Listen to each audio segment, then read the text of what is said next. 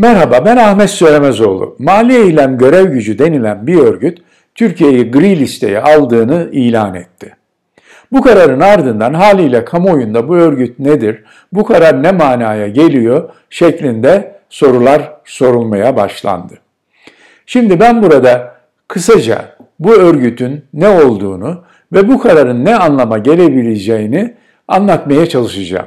Bu örgüt hakkında daha detaylı bilgi edinmek isteyenler benim Küresel Ekonomi Düzeni Kurumlar ve Kurallar isimli kitabıma başvurabilirler. Mali Eylem Görev Gücü ya da İngilizce ismiyle Financial Action Task Force 1989 yılında Paris'te yapılan G7 zirvesinde alınan kararlara binaen kurulmuş bir örgüttür. Ve bu kararların hemen ardından 1990 yılında aralarında Türkiye'nin de bulunduğu tüm OECD üyeleri bu örgüte katılmışlardır. Dolayısıyla mali eylem görev gücü Türkiye'ye yabancı bir örgüt değildir. Türkiye'nin bu örgütün e, kuruluşundan beri içinde olduğu bir örgüttür, yönetiminde temsil edildiği bir örgüttür. Şimdi bu örgütü neden kurdular? Bu örgüt nasıl çalışıyor? Ona bir bakalım. İlem görev gücü Financial Action Task Force öncelikle kara para aklama ile mücadele için kurulmuş bir örgüttür. 11 Eylül 2001'de Amerika'da meydana gelen terör olaylarından sonra bu örgütün görev alanı genişletilmiş, terörizmin finansmanının önlenmesi de eklenmiştir. Şimdi bu örgüt görevini yerine getirmek için bir takım konulara odaklanıyor ve bir takım sektörlere odaklanıyor. Şimdi odaklandığı konular narkotik ticareti, kaçak silah ticareti, insan kaçakçılığı, organize suç örgütleri, rüşvet, irtikap ve çeşitli yolsuzluklar e, gibi gayrimeşru kazançların elde edildiği alanlar. Bir de terörist faaliyetler. Şimdi bu alanlarda faaliyet gösteren suçlar ve suç örgütlerinin hem faaliyetlerini devam ettirmek hem de kazançlarını aklamak için e, genellikle tercih ettiği bir takım sektörler var. Bu sektörlere mali eylem görev gücü yüksek riskli sektörler diyor ve bu sektörlere özellikle odaklanıyor. Nedir bunlar? İşte gayrimenkul alım satım sektörü, kıymetli taşlar ve mücevherat, talih oyunları, eğlence ve profesyonel sportif faaliyetler gibi kara paranın genellikle aklanmak için tercih ettiği faaliyetler, sektörler bunlara ilaveten terör örgütlerinin sıklıkla kullandığı para havale sistemleri ve kar amacı gütmeyen kurumlar. Şimdi mali eylem görev, görev gücü bütün ülkelerden hem e, kara parayla mücadele hem terörizmin finansmanını önlemek için bir takım standartlara, normlara, kurallara uymalarını istiyor. Bunlar nelerdir? Bir kere kendisinin yayınladığı 49 tane ilke var. Bunlar 40 tanesi kara parayla e, mücadele için, 9 tanesi terörizmin finansmanının önüne geçmek için. Ayrıca bütün ülkelerden uluslararası anlaşmaları yani bu konulardaki uluslararası anlaşmaları imzalamalarını ve e, onları uygulamayı taahhüt etmelerini istiyor. Ve dolayısıyla onları yerel hukuka entegre etmelerini yani ceza hukukunda, ceza kanunlarında suç olarak nitelemeleri dolayısıyla kolluk kuvvetlerinin, savcıların görev ve yetki alanlarına sokmak istiyor. Aynı zamanda finans mevzuatına entegre olmasını istiyor bu ülkelerin. Nedir finans mevzuatı? Bankacılık, sigortacılık, sermaye piyasası gibi e, düzenleme ve denetlemeye tabi e, mali e, sektör.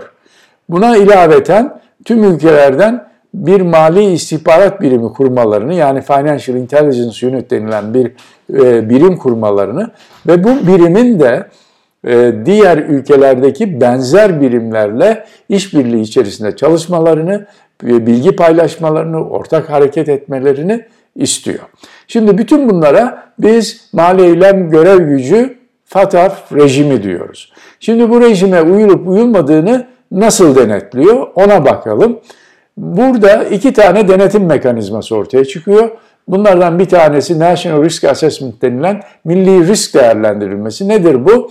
İşte ülkelerin kendi uzmanlarıyla kendi başına e, kendi durumunu değerlendirdiği bir e, değerlendirme. Yani işte biz neremiz eksik, neremiz fazla şeklinde bir raporlar yazılıyor. Bunlar mali eylem görev gücüne yollanıyor, diğer ülkelerle paylaşılıyor.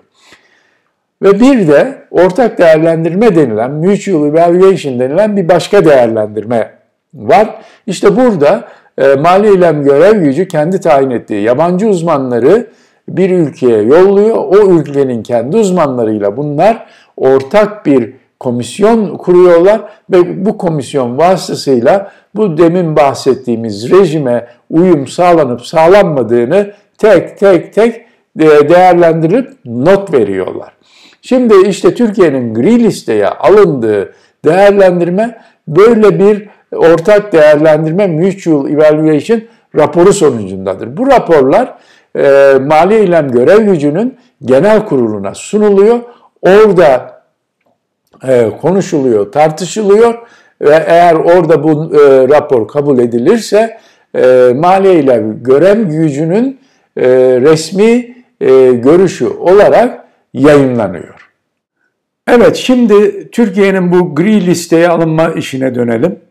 FETÖ yaptığı açıklamada Türkiye'nin altın ve kıymetli taşlar sektörü, gayrimenkul alım satım sektörü, yolsuzluğun takip denetim mekanizmaları, kar amacı gütmeyen organizasyonların e, denetlenmesi, e, takibi gibi e, önemli konularda FATF'ın ilke ve prensipleriyle e, ciddi uyuşmazlıklar olduğunu söyledi.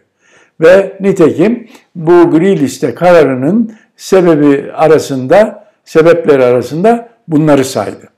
Şimdi bunlar e, hafife alınacak e, şeyler değil. Ciddiye alınacak bir konu. E, fakat burada üzücü olan nokta bu konunun Türkiye için sürpriz olmaması.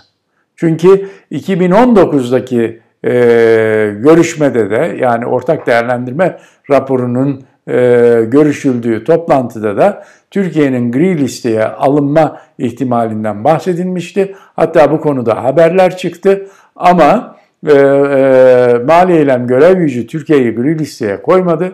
Buna mukabil ağır e, içerikli bir rapor yazdı. Yani e, bir anlamda kuvvetli bir şekilde Türkiye ikaz edildi. Şimdi e, bu durumla karşı karşıyayız. Peki bu bize e, ne getirir? Bu karar ne manaya geliyor? Her şeyden önce bizim e, mali sektörümüzün, bankacılık, sigortacılık, menkul kıymetler gibi tüm finans kurumlarımızın yabancı kurumlarla, uluslararası kurumlarla ilişkilerinde bir takım sıkıntılar çıkabilir. Aynı şekilde Türk kişilerinin, Türklerin ve kurumların yurt dışındaki faaliyetlerinde de bir takım sıkıntılar çıkabilir. Nedir bu sıkıntılar? İlave denetimler, ilave sor, e, sorgulanmalar, e, zaman kayıpları gibi e, bir takım hususlar. Bunların yanı sıra bir takım bazı kurumlar da sizi çok riskli görebilir ve dolayısıyla bu riski almak istemeyebilir ve e, tamamıyla Türk, Türklerle ve Türkiye ile e, ilişkiden kaçınırlar. Şimdi bir kısım e, kurumlar kaçınırken bazı kurumlar sizde hala işlem, iş yapmaya devam ettikleri zaman onlar da aldıkları riskin ücretini isterler. Yani sizin borçlanma faizleriniz yükselir, ödeyeceğiniz e, ücretler artar vesaire. Yani e, neticede çok ciddi bir e, sorunla karşı karşıyayız.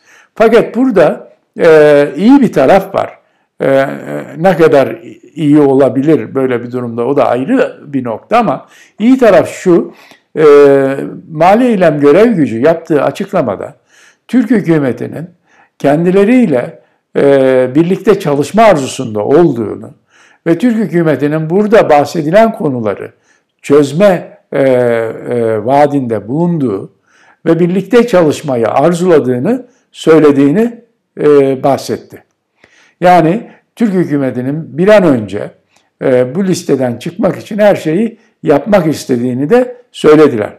Nitekim bizim Maliye ve Hazine Bakanlığı'ndan yapılan açıklamada da her ne kadar bu kararı e, kabul etmediklerini söyleseler de e, mali eylem görev gücüyle bu kararın sonuçlarının ve bu kararın ortadan kaldırılması için birlikte çalışma iradesi ne sahip olduklarını söyledi. Bu e, önemli ve iyi bir şey. Yani biz bu kurumdan e, kavgayı değil, birlikte çalışmayı tercih ettiğimizi söylüyoruz. İnşallah en kısa zamanda bu konu çözülür e, ve e, bu maliyetlerden ve bu sıkıntılardan gerek e, kişiler, Türkler, gerek e, kurumlarımız e, kurtulur ve ayrıca e, kuruluşunda e, bulunduğumuz, yönetiminde temsil edildiğimiz ve çalışmalarına büyük katkıda bulunduğumuz bir kurum, bu kurum tarafından bu muameleye maruz kalmanın ayıbı da ortadan kalkar diyorum. Beni dinlediğiniz için çok teşekkür ederim. Ee, tekrar görüşmek üzere, hoşçakalın diyorum.